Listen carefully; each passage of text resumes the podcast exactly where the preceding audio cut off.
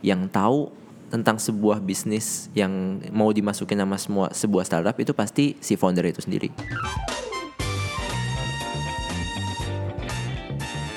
Welcome to Free Talk. Ngomong apa aja? Bebas. Yang penting ada isinya.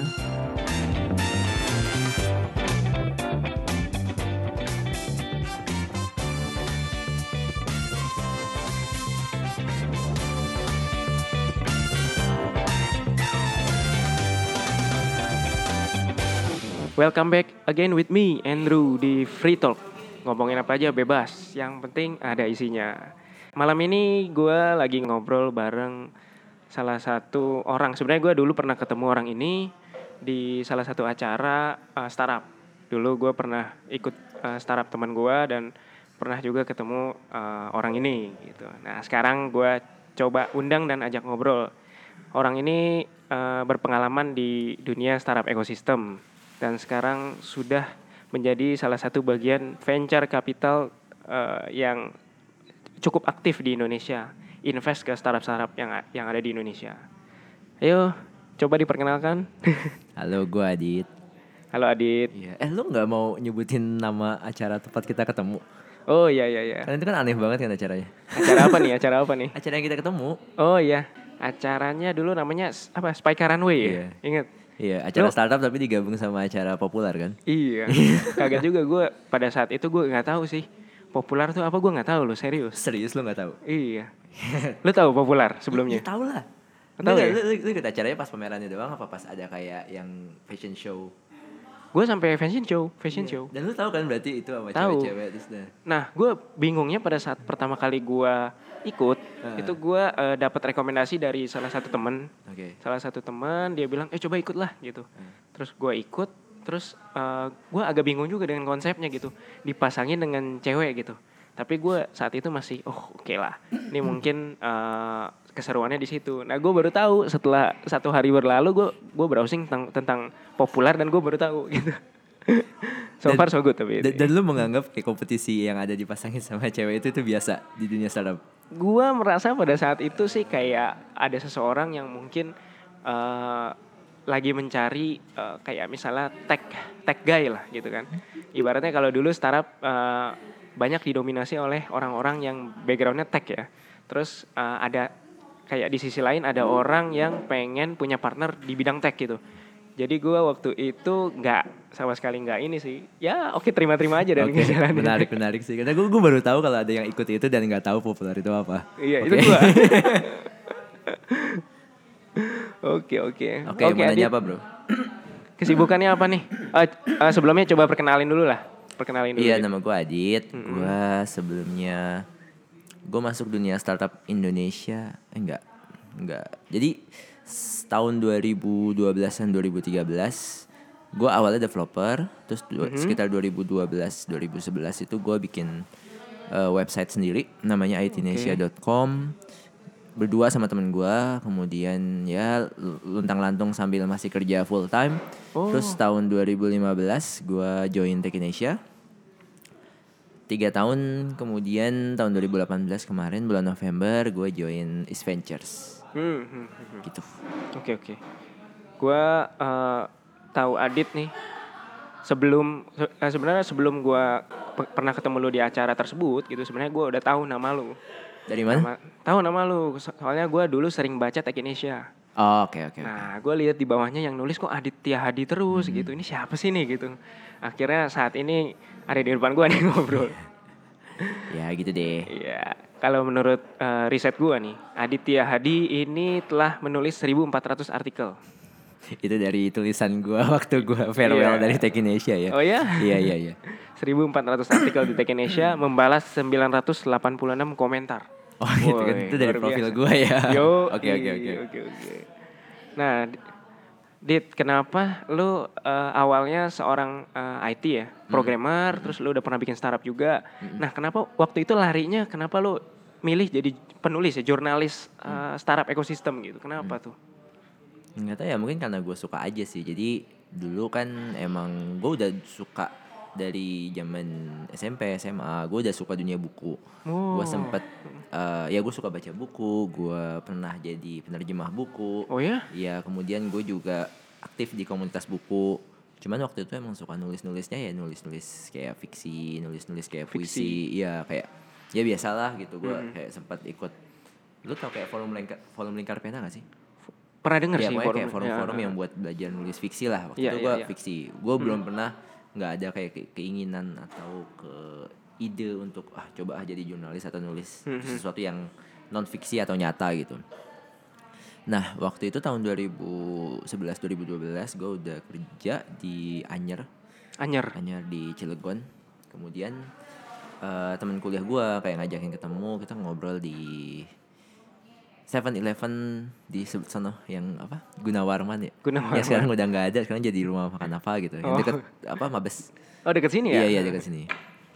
Terus eh ya udah ngajak ngobrol terus eh Dit kayaknya oke nih kita bikin ini ada baru-baru nih startup startup gini. Apa sih startup startup gitu kan? Gue Oh. ya dulu zaman zamannya 2011 2012 kan zamannya Tokopedia baru nongol Baru ada. apa. Bahkan belum kedengeran kali ya itu. Iya belum. Ya udah ada beberapa orang yang tahu cuman belum masif lah. Hah. Bukalapak terus zaman dulu adanya apa ya?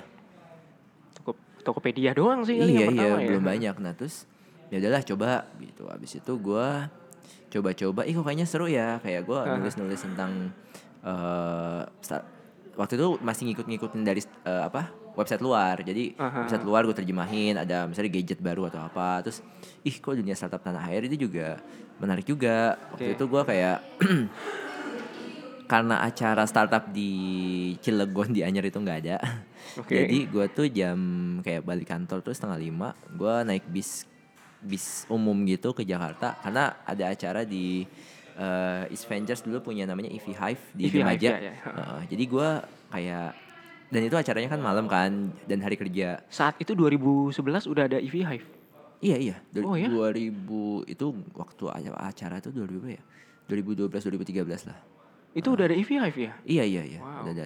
Nah terus eh gua bela-belain datang ke sana karena acaranya cuma di situ kan akhirnya gue dari Anyer setengah lima nyampe sini kayak jam setengah delapan lah gitu Mhm. udah ngikutin acara dan itu ya gue kayak ngelakuin ngelakuin itu terus dan Aha. gue enjoy gitu walaupun jaraknya jauh waktunya lama gitu gue lu tau sendiri kalau di Anyer kan gue pasti pabrik ya terus gue pasti pakai seragam jadi kayak gue pakai seragam kantor gue tutup pakai jaket terus gue ikutan acara startup di EV Hive kayak gitu Oh. terus ya terus gue tahu oh ada Tech Indonesia Mhm. terus Tech Indonesia tuh bikin event gitu kan Iya. akhirnya gue kayak eh tiketnya kan bayarnya mahal Betul, Eh, mahal banget buat sih. buat buat gue yang waktu itu masih mahal terus eh gimana ya cara biar kita bisa masuk ya gue bilang sama temen gue akhirnya kita coba-coba ngelamar jadi kayak media partner gitu Hahaha.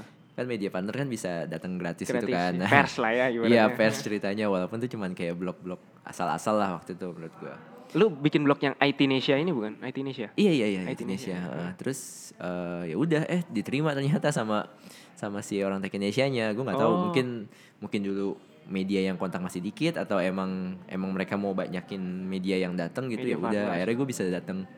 Waktu itu gue inget banget cuti gue tuh terbatas. Jadi gue mesti milih antara datang ke Tech Indonesia Conference atau ke mana gitu ya udah gue Mhm. bela-belain gue si- si- siap-siapin cuti dua hari kan buat kayak Iya, datang iya.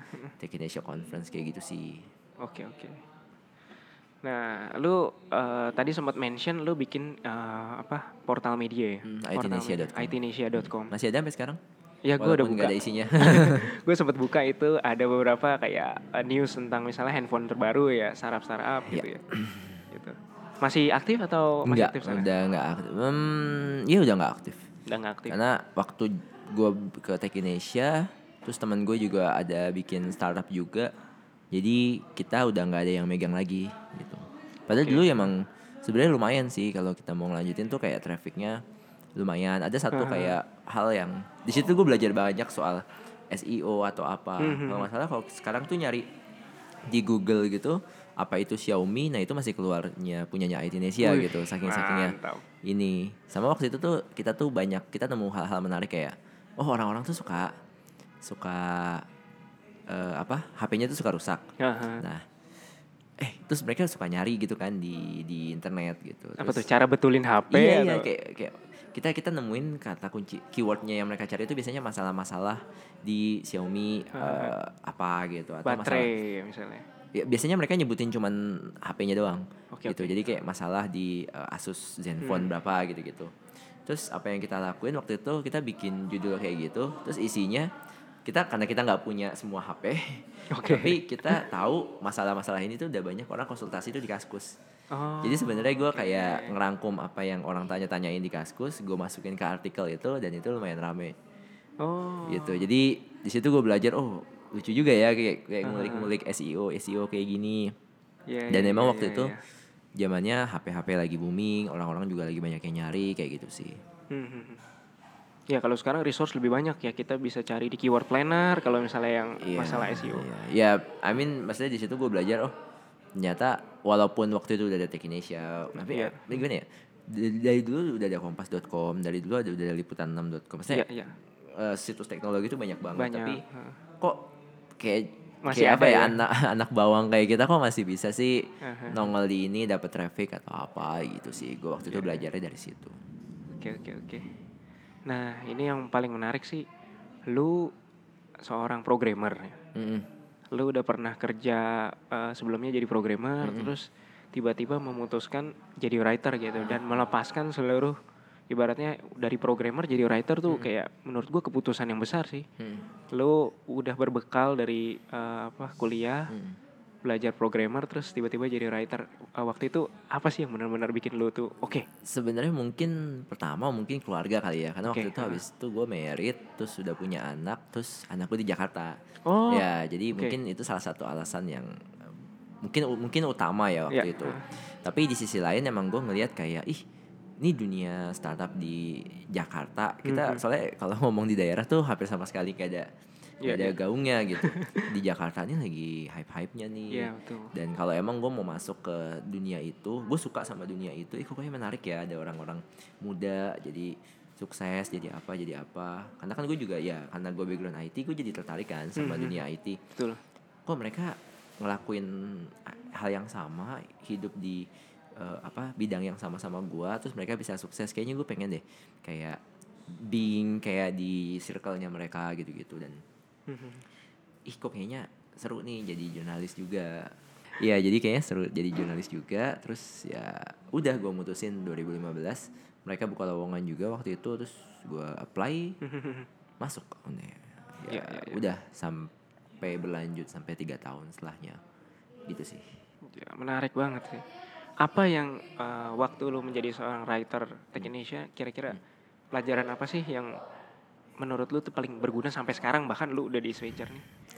apa ya kayak menurut gue yang paling bukan berguna sih kayak gue ngerasa eh, gimana ya gue belajar banyak dari orang yang gue tanya-tanya gitu Iya, jadi iya. gue setiap hari ketemu founder Wah, eh, bikin dua privilege satu, buat dua artikel. Iya itu gue kayak ngerasa itu privilege gue bisa ketemu mereka gue bisa justru gue bisa belajar dari mereka Setuju, gitu setuju. eh dari yang mulai yang misalnya kayak oh hari Senin gue ketemu sama orang Tokopedia yang Mhm. kantornya gede banget gitu terus besoknya gue kayak mesti ke Depok terus sampai nyasar-nyasar cuman buat nemuin sebuah startup nggak sebuah sih jadi kayak satu kantor startup tapi satu rumah diisi oleh tiga tiga Tiga startup. Oh, iya tiga iya startup. tiga startup. Jadi kayak ada satu Wah. rumah kos-kosan gitu ada tiga kamar di dalamnya terus masing-masing kamar tuh satu startup satu startup Oh, iya? satu iya gitu ada di Depok.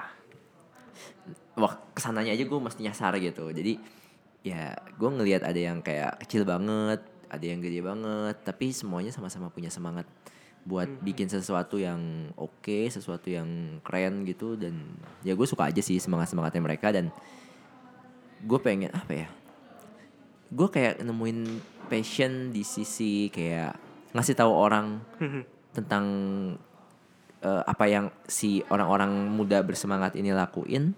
Dan mungkin gue juga kayak oh kan gue misalnya ketemu eh, founder lain terus gue bisa pas gue ketemu founder yang satunya lagi gue bisa kayak ngasih tahu eh founder yang itu ngomong ini ini ini Hmm, mungkin iya, ini iya, bisa iya, bermanfaat buat eh, lu. Jadi gue kayak jadi kayak hub of knowledge gitu. Gue kayaknya Iya, ih kok kayaknya seru ya jadi kayak gini gitu Iya, iya, iya, benar-benar. Benar-benar privilege buat lu ketemu banyak founder bahkan dari tahun berapa ya?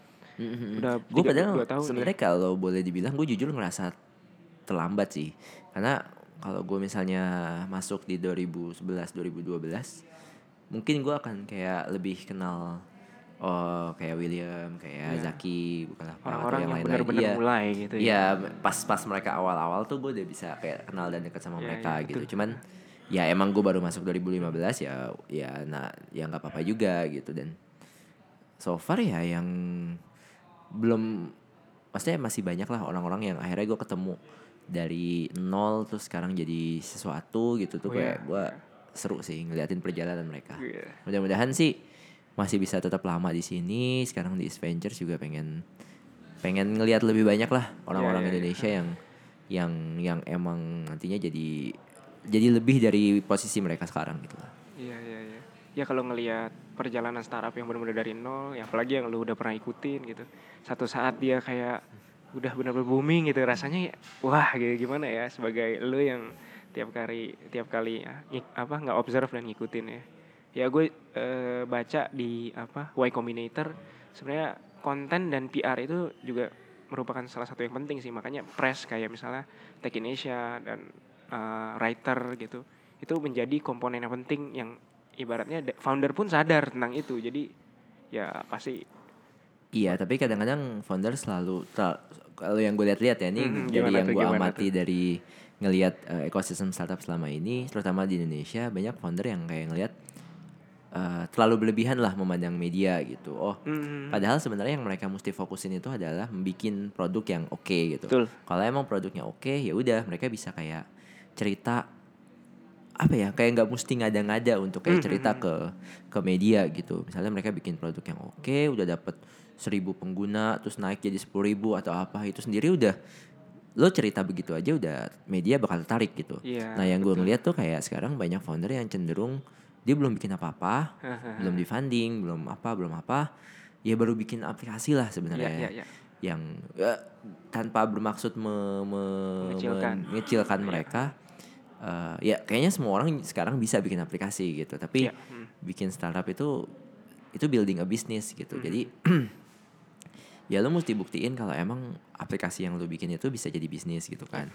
Dan daripada lo ngomong-ngomong di awal ke media, gue nggak nggak menyalahkan mereka gitu ya. Iya. Cuman eh, akan lebih baik kalau lo fokus bikin tak jangan sampai lo eh, fokus ngomong ke orang, ngomong ke media bla bla bla tapi lo nggak ngerjain PR utama lo yang which is eh, bikin produk dan yang bisa diterima oleh banyak orang gitu. Hmm. Jadi mungkin kalau boleh saran juga buat founder-founder baru nih misalnya ada yang dengerin gitu ya ya. Gua nih, gua kebetulan lagi bikin startup. Nah, misalnya lu lah. Iya. lu ya udah lu fokus ke bikin produk Produk. produk lu buktiin apakah produk lu itu memecahkan masalah, Asik. apakah produk itu benar-benar bisa diterima oleh orang banyak. Ya. Hmm.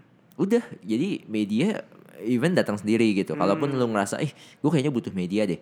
Ya udah, lu tinggal kayak kontak orang media, terus lu Ya. cerita apa ya perjalanan lu. Oh, gue udah bikin ini, ini, ini. Tadinya penggunanya segini, jadi sekarang segini, gitu. Oke, oke. PR mungkin masalahnya banyak sekarang orang yang kayak belum bikin apa-apa tapi udah kayak terburu-buru Iya. untuk ke media, ke investor apalagi kayak gitu sih.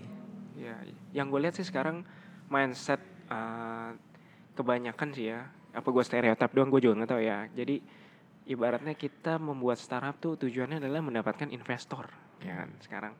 Jadi bukan lagi memberikan value gitu. Jadi ya yang penting bikin startup nih, oh ya udah bisa gini gini. Nanti kita cari investor gitu, ya kan? Nah itu sih yang banyak disalahpahami oleh orang eh, oleh banyak founder gitu. Karena sebenarnya kayak menurut gua investasi itu cuman kayak katalis sih. Jadi ibarat Expand ya, Hah? buat buat expansion maksudnya. Eh, enggak jadi kayak misalnya lu contoh apa ya lu bikin kopi terus eh lu kalau misalnya pakai air panas terus eh, lu lu eh, apa naruh kopi di air dingin ya bisa aja nanti suatu saat itu akan nyampur dan jadi enak gitu Iya. tapi kan eh kalau misalnya lu apa namanya lu pakein air panas terus lu aduk-aduk itu kan jadi kayak katalis kan jadi itu bisa mempercepat jreng itu tuh jadi kopinya enak kayak gitu nah Kopinya makin cepet jadi Ah, dan lebih enak gitu. Iya, ya. tapi sebenarnya tanpa lu aduk tanpa pakai air panas ya bisa juga gitu sebenarnya jadi kopi juga gitu. Nah, itu sih yang mungkin kayak rada di kurang dipahami oleh banyak founder. jadinya mereka berpendapat semua startup tuh harus dapat funding gitu padahal ya enggak juga gitu kalau emang mereka belum siap dapat funding ya udah sabar aja. Atau mungkin mereka kurang pe kurang ngerjain PR mereka yaitu menciptakan uh, produk yang baik kayak gitu sih. Oke oke. Nah selama lu dua, dua, dua, dua tahun 8 bulan ya, dua tahun 8 bulan di men- apa kayak observasi eh, startup ekosistem di Indonesia, di Tech Indonesia ya. Tech Indonesia ya ya. Eh, menurut lu startup ekosistem di Indonesia sekarang kayak gimana sih gitu? masih baru banget sih menurut gua Masih baru, masih Iya. bisa berkembang atau Hmm, banget maksudnya kita selalu ngomong kalau di Indonesia di EV kita ngeliat kayak jumlah orang Indonesia tuh berapa ya? terus kita ngelihat pertama-tama penetrasinya tuh e-commerce oke E-commerce, ya ya, Tokopedia udah gede Tokopedia. cuman not menurut gua masih belum mencapai titik maksimal yang sebenarnya potensi maksimal yang bisa dia dapat gitu. Hmm. masih banyak orang yang mungkin belum pernah coba Tokopedia. Masih banyak orang yang even mungkin mungkin ya mungkin kayak di pelosok Papua pelosok Ternate sana belum belum pernah dengar sama sekali tentang Tokopedia Iya, iya, gitu. bener-bener. ya even mereka banyak masih banyak orang yang kayak belum pakai HP gitu kan. Jadi mereka belum terpapar dengan teknologi. Mungkin ya masih banyak lah hal-hal yang bisa kita kerjain. Ya. Eh, masih banyak kayak potensi-potensi yang kayak bisa kita gali dan ya ini masih baru sih. Dan even kayak unicorn kayak Tokopedia kayak eh, Gojek kayak Traveloka itu kan orang masih bertanya-tanya ini exitnya gimana? gini-gini Hmm, kan. Jadi setuju. Hmm.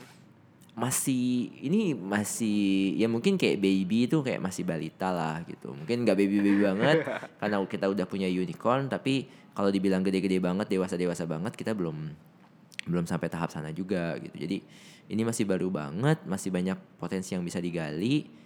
Eh, founder-founder baru juga masih banyak yang muncul. Gua betul. kita di EV juga masih banyak yang muncul-muncul. Ya maksudnya even di US sendiri yang udah mature Masih masih ada masih ada aja. aja gitu startup-startup yang keluar gitu. Jadi masih banyak sih potensinya. Cuman emang menurut gue yang penting diingat sama founder yang pengen masuk ke dunia startup itu adalah kalian harus memahami benar eh, model bisnis startup itu seperti apa, model iya, bisnisnya visi itu seperti apa, investor itu seperti apa. Jadi jangan males, jangan cuman ngelihat oh Tech Indonesia ada gini, oh dan kalian menganggap oh ini yang paling benar gitu. Hmm, Kalian lihat apa berita di apa, ih terus tiba-tiba bingung gitu karena tiba-tiba ih kok unicorn duitnya dari asing atau apa gitu. Padahal Uh, terus besoknya baca berita lagi, ih kok unicorn ini membawa uh, kebaikan bagi seluruh rakyat Indonesia? Kayak gitu. Kan kan, Waduh, waduh, kan jadi bingung kan sebenarnya Iya, nih iya, bisnisnya kayak gimana sih gitu. Jadi ya mungkin kalau boleh saran sih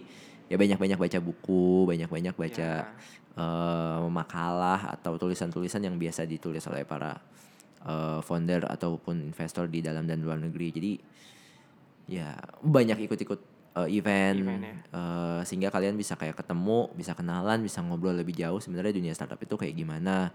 Jadi biar kalian tuh pas masuk itu udah nggak udah ngerti nih kalian mau masuk ke bidang yang kayak gimana gitu. Hmm, hmm, hmm. Oke oke, jadi banyakin networking, baca buku gitu ya bro ya. Iyalah karena gimana ya? Ya kalau kalian mau jadi pemain bola gitu. Oh enggak deh, bola tuh udah lama banget. Eh stand up comedy lah, mungkin stand up comedy kan suatu hal yang baru gitu. Ya. Ya kalau kalian emang mau sukses ya kalian datang ke komunitas stand up comedy, kalian eh, latihan, kalian baca tuh misalnya Panji bikin buku yang isinya teknik stand up comedy gitu-gitu kan. Jadi nggak cuman terus lihat-lihat YouTube orang di luar negeri gimana cara mereka stand up comedy kan kayak gitu kan. Nah, Iya. dunia stand up juga kayak gitu. Jadi jangan cuman ngelihat berita oh si ini dapat funding, sini dapat funding, oh berarti bisa nih dapat kita bikin ini dapat funding juga gitu. Itu sih. Iya iya iya benar sih. Jadi ya kita banyak-banyak ini aja lah ya observasi lihat-lihat cari peluang opportunity belajar lah. Jadi secara nggak langsung network apa mengembangkan diri lu sambil mengembang ibaratnya membuat diri lu semakin semakin dikenal juga gitu ya. Dan kita sebagai investor ngelihat itu jadi kayak filter juga. Jadi kita ngelihat ya? nih, iya maksudnya kayak kita ngeliat ini orang udah udah ngerjain tanda kutip PR-nya tuh udah sejauh apa. Dia udah tahu seberapa banyak tentang dunia startup, udah tahu seberapa banyak tentang dunia visi, udah tahu seberapa banyak tentang eh, bagaimana pengertian funding untuk eh, startup itu seperti apa, dia networkingnya sejauh apa kayak gitu. Itu jadi filter tersendiri buat kita gitu Oh sih. gitu. Iyalah kalau misalnya kita maksudnya gimana ya? Ada ada ada ada sesimpel orang yang kayak nanya ke misalnya Instagram kita, eh eh, Gimana sih caranya untuk Iya iya gimana sih caranya? Itu yang gue mau tanya ke lu tuh. Gimana caranya dapat funding? Even kayak eh kalau mau ngirim pitch deck ke mana ya gitu. Padahal Iya, kan iya, di betul. website kita tuh udah ada kayak eh Guideline gitu ya. iya emailnya udah ada, apanya udah ada itu kan Oke, kayak siap. kayak kalian ketahuan kalian nggak research, baca ya. iya baca aja nggak gitu, research aja nggak gitu. Jadi Iya iya iya iya. eh, dari situ udah bisa kelihatan nih sebenarnya eh, karena kalau seorang founder yang eh, baik itu pasti dia persistence, Ya. pasti dia eh, dig deeper, pasti dia bener-bener cari tahu segala hal demi mewujudkan apa keinginannya gitu. Kalau kalian sendiri cuman malas-malasan kayak gitu, nanti kita, kalian dapat funding pun kalian pasti emang malas-malasan gitu. Di situ kita ngecek kayak integrity kalian tuh sejauh apa gitu sih. Iya iya setuju setuju. Dulu pada saat awal-awal pun gue pernah join ikut Tech Indonesia ya Conference. conference uh, yang apa kalau nggak salah tuh da- dulu untuk dapat boot itu perlu nge-submit sesuatu ya kalau nggak salah ya sampai sekarang ya Pitch Jadi- deck gitu. semacam kayak mungkin ya gue agak lupa Mhm. juga gitu kita kita nge-submit sesuatu dan Iya. nanti kita dipilih Iya, karena itu juga karena yang daftar ke kita banyak eh, ke Tech Indonesia waktu itu ya maksudnya, bukan ke ha. EV. Yang daftar ke Tech Indonesia banyak, terus ya kita mesti milih kan. Misalnya ada Iya, kita cuma bisa sediain 60 booth, Iya. yang daftar 100 kan kita mesti milih dong mana yang ini mana yang ini. Jadi dari situ kita milih, oh ini kayaknya oke, ini kayaknya enggak, ini kayaknya oke enggak gitu. Tapi kan sebenarnya kalian juga tetap bisa datang dan Amin walaupun nggak punya booth kan tetap eh, jalan-jalan tetap ya. jalan-jalan, tetap ketemu investor, tetap pitching Benar, kan sebenarnya bisa juga gitu. Iya, Jadi iya, iya, iya. bedanya yang satu ada tempat khusus, yang satu enggak gitu aja sih. Mhm. Dulu pada pas tahun 2015 tuh gue ikut Tech Indonesia itu dari info dari teman-teman ada teman gue salah satu teman kerja di Tech Indonesia juga kebetulan dia Siapa? bis bis dev Siapa? Jessica dulu namanya Oh iya, tahu Jessica. nah waktu itu ngobrol-ngobrol sama dia terus udah ikut aja dah gitu lo lagi bikin startup kan ya udah ikut Hmm. Ngecek-ngecek kira-kira gimana ya nah gue baru aware terhadap kayak investor Hmm. apa segala macam tuh di situ gue mulai ngulik-ngulik dunia startup gitu bahkan ikut eh, apa pitch yang itu loh yang Yang speed dating. speed dating Iya, iya. gitu pada pada saat itu gue eh, ekspektasinya adalah eh, kira-kira ide gue nih eh, beneran bagus nggak sih gitu Mhm. sebenarnya tujuannya itu aja bukan dapetin invest sih Hmm, hmm, hmm. nah banyak kritik-kritik dari teman-teman eh, apa venture capital yang Mhm. cukup ini juga sih cukup make sense dan waktu itu kita ya udah banyak nih masukan nih Hmm. kita benerin dulu deh nextnya mungkin baru kalau mau ngobrol sama investor lagi ya lumayan lah buat koreksi-koreksi gitu ya Mm-mm. Tapi yang mesti kalian tahu sebenarnya investor itu nggak mesti benar juga. iya iya iya iya. Jadi kita itu eh enggak kita sih. Maksudnya gue gue gue nggak kalau oke. bilang kita nanti EV lagi. Maksudnya investor itu nggak mungkin ada investor yang tahu segala hal tentang sebuah bisnis. betul Jadi biasanya mereka adalah seorang generalis. Jadi mereka tahu konsep-konsepnya, tapi mereka kalau dig deeper ke satu bidang technical gitu maksudnya technical banget pasti mereka nggak ini. Jadi sebenarnya kalau buat gue pribadi Mhm. yang tahu eh tentang sebuah bisnis yang mau dimasukin sama semua sebuah startup itu pasti si founder itu sendiri. Iya. Gitu. Jadi eh kalian yang seharusnya lebih tahu tentang misalnya lo mau masuk eh, bisnis apa ya? olahraga lah gitu Oke, misalnya heeh. ya udah yang tahu bisnis olahraga ini berapa banyak orang yang suka olahraga di Jakarta berapa sering mereka olahraga berapa banyak uang yang mau mereka keluarkan untuk berolahraga itu harusnya lo yang tahu Iya. gitu bukan investor setuju, benar. gitu Eh, kalau investor ngomong apa ngomong apa itu dari sisi kita generalnya seperti ini gitu tapi kalau emang lu punya sesuatu yang lu bisa buktikan dan lu yakin kebenarannya karena lu ngelihat sendiri di lapangan ya go ahead with your ini aja Setuju tapi sih. jangan sampai eh, lu juga menutup telinga dari investor ah ini investor nggak tahu apa-apa gue yang tahu gitu ya udah Iya. sarannya juga jangan gue nggak mau dengerin ah gitu nggak boleh jangan kayak gitu juga gitu. jadi kita tuh kalau di EV bilangnya namanya orang kayak gitu namanya paradoks jadi dia tuh eh, di satu sisi dia punya keinginan, punya semangat, punya passion untuk menyelesaikan suatu masalah dan dia kalau ngomongin masalah itu tuh kayak dari A sampai Z tuh bisa gitu iya, sampai iya. satu setengah jam ngomongin hal itu juga dia sanggup gitu. Tapi di sisi lain ketika dikasih saran sama orang lain, dia proses, oh ini kayaknya oke, oh ini kayaknya enggak kayak gitu loh.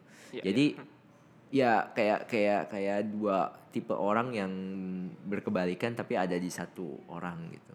Itu sih menurut kita adalah salah satu ciri dari eh, se- seorang startup founder yang oke. Oh, oke oke oke. Oke, terima kasih advice-nya.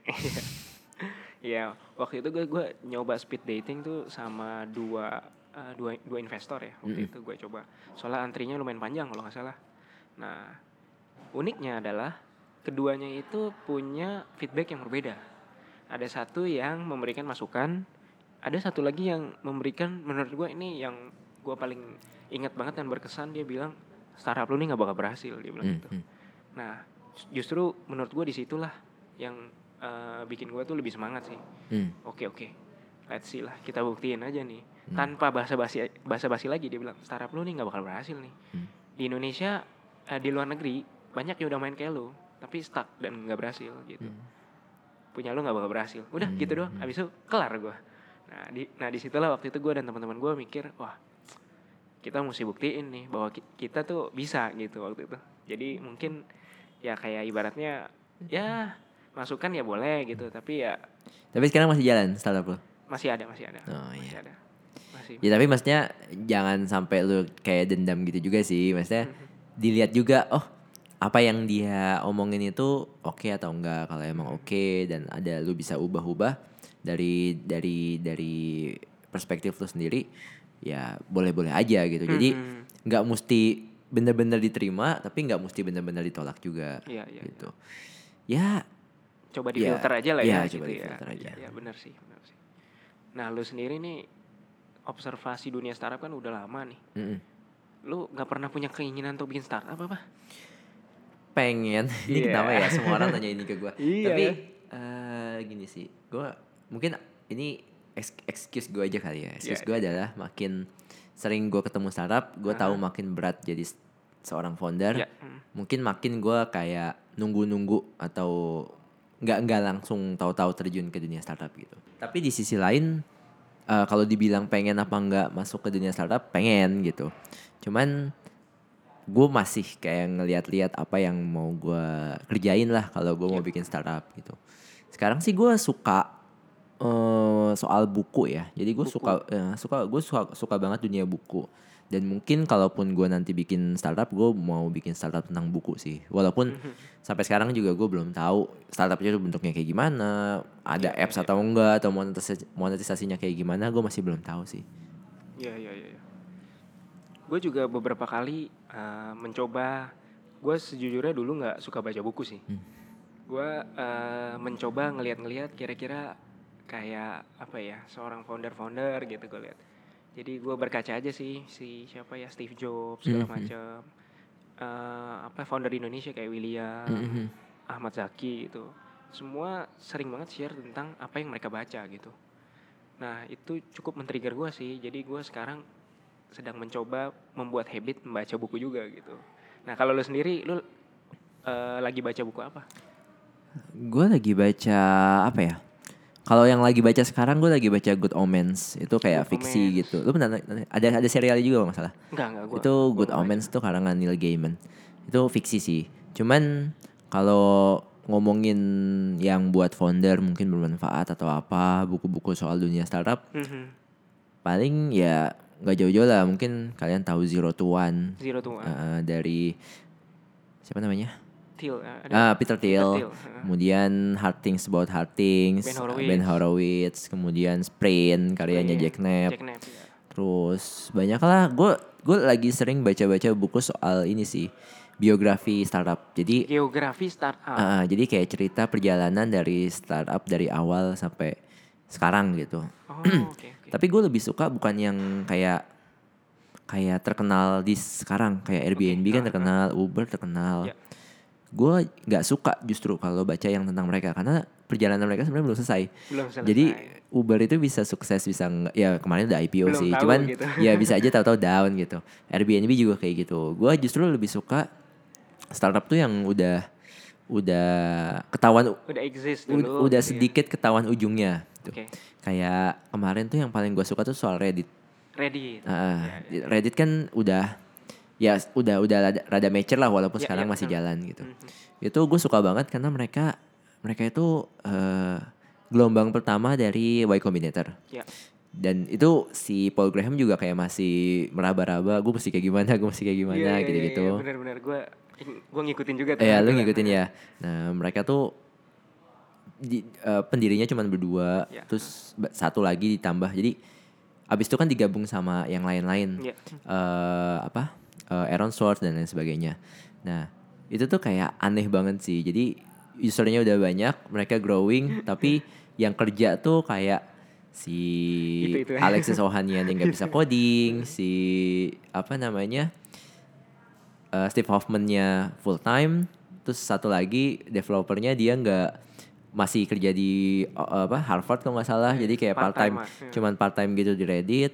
Terus eh, ya satu lagi si Aaron Swartz juga rada aneh karena ya akhirnya dia bunuh diri juga kan Iya, gitu. iya, iya, benar. Jadi terus sempat diakuisisi perusahaan gede, tapi kemudian di spin off jadi startup lagi Iya. tuh itu sejarahnya gila banget sih dan apa yang diceritain di situ tuh bener-bener kayak dunia startup yang hingar bingar tuh langsung kayak hilang semua gitu. Iya, iya, Jadi ternyata dunia startup itu penuh eh, tragedi, penuh dengan eh, nggak nggak apa ya kalau kalian baca buku-buku tentang biografi startup itu nggak banyak hal tentang teknis gitu. Mungkin Ya. teknis eh, kayak kayak itu masalah yang besar, cuman Teknis tuh masa teknik engineering. ya apa? teknis itu engineering gitu. Oke. I- apa ya nggak banyak engineering eh, masalah engineering itu yang kayak dibahas seakan-akan itu masalah yang Jadi, besar gitu iya. justru masalah yang dianggap besar itu kayak masalah kayak human human Humanity. resource gitu jadi ke ke apa namanya ke ke karyawan itu kayak Iya. gimana kemudian kalau ngomongin Airbnb itu masalah ada satu konsumer yang di apa yang rumahnya tuh kayak dihancurin gitu loh sampai dia nga- ngajuin kayak apa tuntutan gitu kan ke Oh. pengadilan iya sempat kayak gitu dan itu sempat itu yang kayak dibahas sampai berbab-bab gitu loh jadi Oh, Oke oke oke. mungkin emang sebagai founder ya harus itu tuh jadi kayak daripada kalian nyobain sendiri Mhm. dengan kalian baca buku tuh kalian bisa tahu oh ada masalah kayak gini yang menanti kita di depan gitu jadi Iya, kita iya, udah iya, nyiapin benar-benar. sesuatu dari sekarang mungkin itu sih yang menurut gue bisa manfaat kalau kalian eh, seorang founder yang baca buku Iya. sama founder yang nggak baca buku gitu Berarti lu kayak kalau apa startup geo- geografi ya tadi ya lu bilang. biografi Biografi, sorry sorry. Berarti kayak the hard things about hard things juga kan? Iya itu gitu. juga sebenarnya salah satu biografi, cuman bio, kayak eh, quote unquote biografi lah, biografi Iya. dari Ben Horowitz itu sendiri gitu kan. Ya gimana caranya dia pertama ada apa kerja di perusahaan yang grafik apa yang eh, yang sebelum Netscape ya. Hmm, Iya. Dari, ne- dari Ya pindah itu Netscape, bantuin si eh, apa Mark Anderson, Mark Anderson, Anderson. ya. Habis itu bi- bikin uh, Loud Cloud ya. Ya itu menurut gue seru banget sih yang dibahas kayak ketika istrinya kena kanker. Iya. Ya kalau nggak salah ya.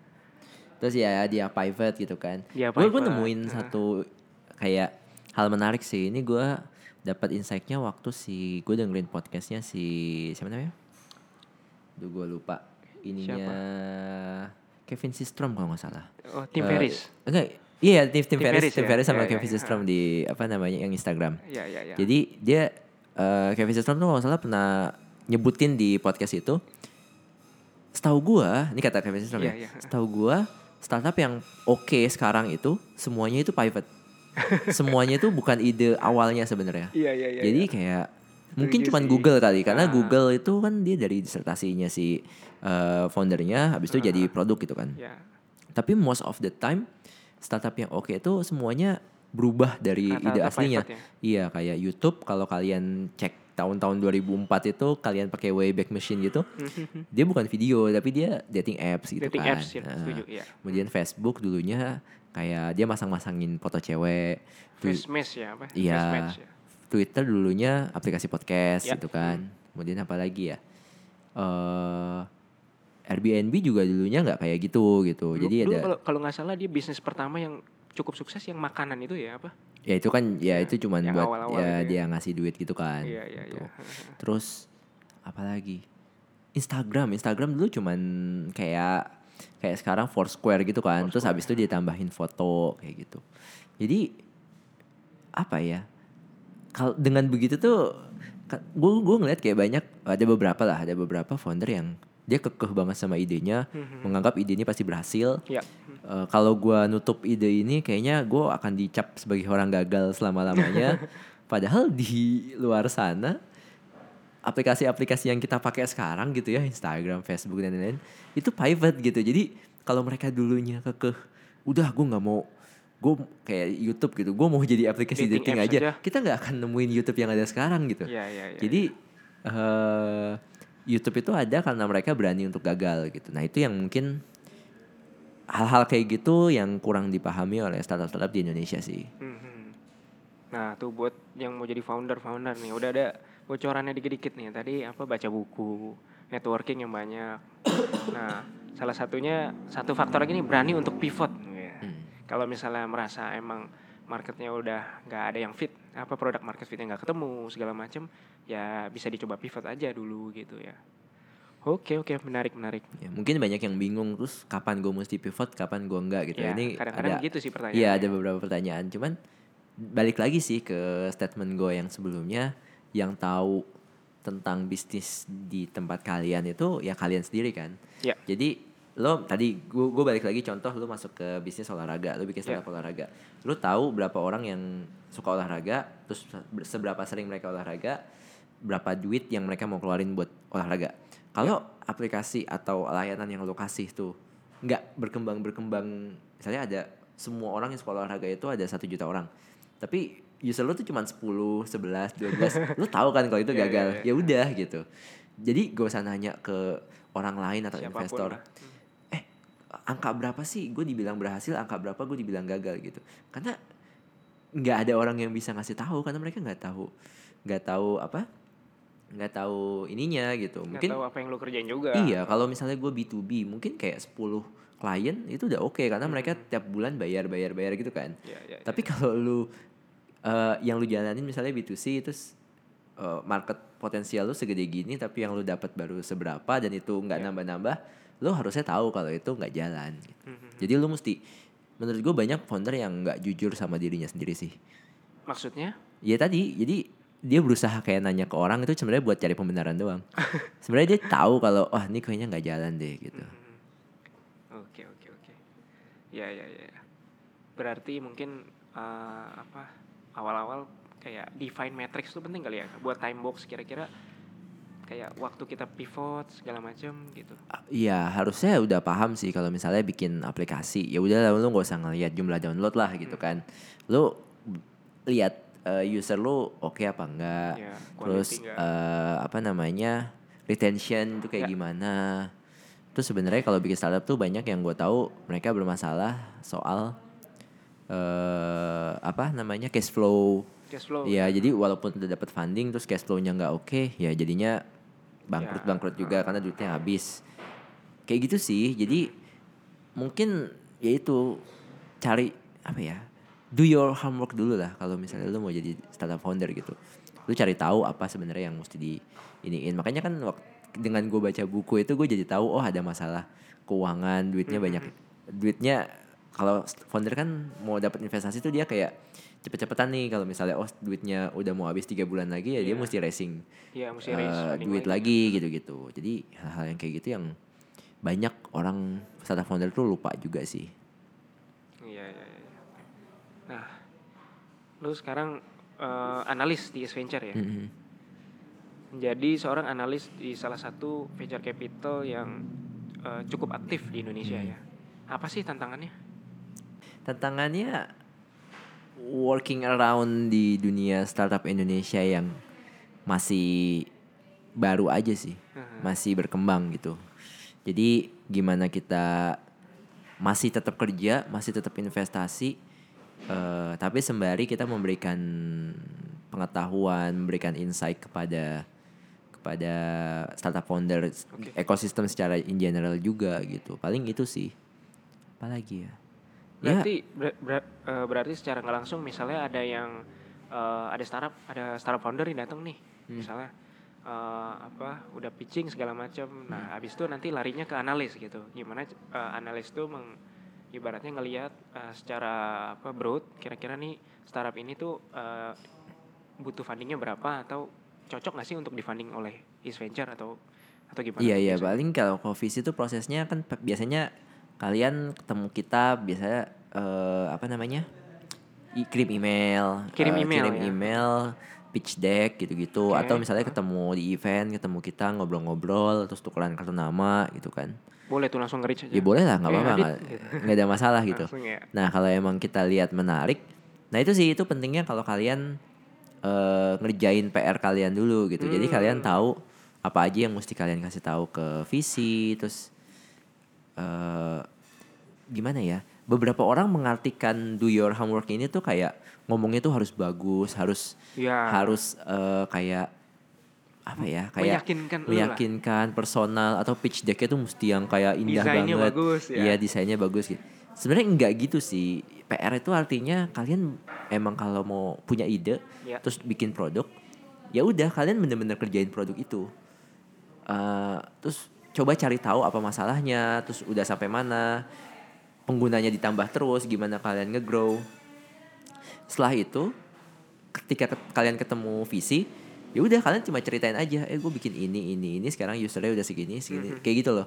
Oh, Jadi bener-bener natural aja nggak usah nggak usah di, Terlalu di- formal gitu maksudnya. I- kita juga nggak ngarepin kalian terlalu formal, tapi kita juga nggak ngarepin kalian juga mengada-ada juga gitu. Jadi Ini nih yang baru gua tahu nih. iya banyak orang yang kayak ngomong tuh diindah-indahin, tapi sebenarnya mereka belum bikin apa-apa. Gitu. Akan lebih baik kalau kalian udah bikin Ngomong sesuatu. Iya, kalian bikin sesuatu, udah ada produknya, udah kalian ngetes segala macem, baru diceritain ke kita gitu. Biarlah impact yang berbicara ya. Gitu Iya maksudnya. sih, kalau dari sisi kita karena orang yang ngerti, orang yang udah ngerjain tuh beda pasti ngomongnya. Oke. Karena kita nanya apa, nanya apa, kalian udah bisa jawab di luar kepala karena emang kalian bener-bener ngerjain gitu. Ya, Tapi- lah ibaratnya ya. Iya, nah itu yang sebenarnya kita apalagi di startup tahap awal ya, kan biasanya datanya tuh nggak gitu banyak ya. Ya. Jadi kita cuma bisa lihat foundernya ini sebenarnya oke apa enggak gitu. Dan Mhm. oke apa enggaknya ya salah satunya dilihat dari tadi. Sebenarnya nggak mesti benar. Jadi kayak misalnya kita tanya eh menurut lo berapa sih eh, jumlah? Misalnya tadi mau masuk ke bisnis olahraga. Iya. emang berapa sih orang yang kayak olahraga di Jakarta? Gitu. Kita nggak mengharapkan angka exact yang kayak benar sesuai data BPS gitu enggak tapi kayak pola pikir kalian kalian tuh oh. Nyari nggak sih gitu ya? iya nyari nggak sih? Dan kalian prediksinya tuh oh begini begini begini begini begini begini. Terus kalian Ah, eh karena ini oh berarti gue menyimpulkan bahwa ada 100 ribu orang yang suka di Jakarta gitu. Oke. Suka- itulah atau apalah gimana kalian caranya? Atau kalian ke ke apa namanya ke Car Free Day terus ngelihat ada berapa orang di situ misalnya kalau emang kalian ada hubungannya sama Car Free Day kayak gitu-gitu. Jadi eh, dengan begitu kita tanya tuh kita dapat oh berarti ini orang emang passionate banget nih soal bisnis ini Ya, gitu dan mungkin kemungkinan besar mungkin mereka eh, akan bisa sukses di bisnis itu juga kayak gitu sih Iya iya iya. iya. jadi gue nggak nggak nggak gue bingung gitu kalau ditanya Dit gimana ya cara bikin pitch deck yang bagus Dit gimana ya yang cara ngomong yang bagus gitu Iya iya. iya. bahkan kadang-kadang ada orang yang kayak menawarkan jasa konsultasi buat itu gitu benar, benar. padahal kalau menurut gue apa ya ya just just tell us your story aja sih gitu ya nanti kita lihat sama-sama story itu bener oke apa enggak gitu sih Iya, iya. iya. Ya gue beberapa kali mencoba sih bikin pitch deck gitu. Gue sebenarnya ketika kita ngomong misalnya sama lu, misalnya sama teman-teman dari uh, venture capital atau investor yang lain kan, kebanyakan mungkin uh, emang cerita tentang uh, apa yang udah kita kerjain ya. Tapi kadang kita bu- butuh storyline lah, storyline yang uh, bisa uh, didapat dari si pitch deck itu kan. Biasanya gue sih nyonteknya yang kayak uh, pitch decknya yang paling terkenal lah Airbnb yang zaman dulu. Ya Airbnb terus Google Facebook LinkedIn yang udah kesebar di mana-mana ya. Ya paling dari situ sih terus baru dirumusin jadi uh, kira-kira storyline-nya gimana gitu ya. Iya tapi ya itu jadi jangan jangan mengada-ada. Kayak tadi kan storyline itu kalian mungkin mungkin boleh aja kayak oh ngikutin slide-nya Airbnb gitu. Ya. Tapi mungkin kalian lupa kalau Airbnb mempresentasikan itu dengan Brian Chesky, dengan Joe Gebbia, dengan si Nathan gitu. Dan mereka mungkin mereka dapat funding itu karena mereka benar-benar meyakinkan Karena ketika merekanya bukan slide-nya gitu ya. Iya, one, iya slide itu cuman alat bantu aja Iya, gitu. Jadi percuma kalau kalian bikin eh, slide yang persis sama, it's okay. Mungkin bisnisnya juga Mhm. persis sama, tapi kalian nggak bisa mempresentasikan dengan caranya sih eh, ini gitu. Iya. Mungkin kalau mereka akan ditanya, lu yakin kalau gini-gini bakal jalan, lu bakalan jalanin ini terus? Iyalah kita yakin karena kita kita tuh sampai kita kehabisan duit kita sampai jual-jualan loh ini demi bisnis kayak gini kan gitu kan ngomongnya Iya, kan iya. kalian bisa nggak ngomong kayak gitu juga haha kayak gitulah Ya berarti story behind yang lo mungkin konsep bisnis bisa sama ya. Tapi kayak ya cerita sih yang bikin beda berarti ya. Yang benar iya sih iya tapi jangan sampai cerita itu kayak dibikin-bikin tapi emang bener-bener cerita itu udah kalian lakuin Real. sih jadi intinya do something dulu lah sebelum kalian ketemu investor mungkin ketemu nggak apa-apa cuman kayak saya hi kartu nama Hmm. Iya. selesai gitu tapi di Networking belakang ya. layar kalian do something gini-gini oh bener nih jalan nih gini-gini Mhm. udah kalian kasih ke investor gini karena sebenarnya yang bisa menentukan kalian sukses apa enggak kan kalian kalian sendiri kan Iya. percuma kalian dapat duit oke lah misalnya kalian dapat investor yang tutup mata terus dapat duit 100 juta U- apa 100 juta 100 ribu US misalnya Hmm.